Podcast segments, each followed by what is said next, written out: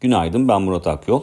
Yeni hafta enflasyon rakamlarıyla başlıyoruz. Kasım ayı enflasyon rakamları saat 10'da açıklanacak. Ortalama piyasa beklentisi enflasyonun %3.5 oranında artış göstereceği yönünde Forex anketinde sonuç bu çıkmıştı. Beklentilere paralel bir rakam oluşması durumunda %61.4 seviyesinde bulunan 12 aylık enflasyon yaklaşık olarak 1 puan yükseliş gösterecek. 11 aylık dönem bazında baktığımızda ise %60.4 seviyesine ulaşılmış olacak. Merkez Bankası'nın son enflasyon raporunda yıl sonu tahmini %65 olarak e, güncellenmişti. Dolayısıyla bugün %3.5 oranında bir artış görülmesi durumunda Merkez Bankası'nın yıl sonu tahmininin aşılmaması için önümüzdeki ay Aralık ayı enflasyonunda %2.85 en fazla %2.85'lik bir artış görülmesi gerekecek. Dolar TL'ye baktığımızda ise orada S&P'nin Türkiye'nin kredi notu görünümünde yaptığı yukarı yönlü revizyonun ardından e, kısa süreli bir iyimserlik yaşandı. Fakat büyük resimde çok anlamlı bir değişim gerçekleşmiş değil.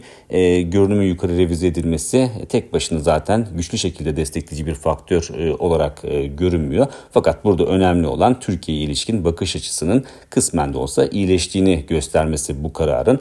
E, 15 Aralık'ta da Moody's'in bir güncelleme yapması bekleniyor bekleniyor. Tabii ki S&P kararının ardından Moody's ilişkin beklentilerinde pozitif olduğunu söyleyebiliriz. Bu da TL açısından, TL varlıklar açısından destekleyici bir faktör olarak çalışabilir.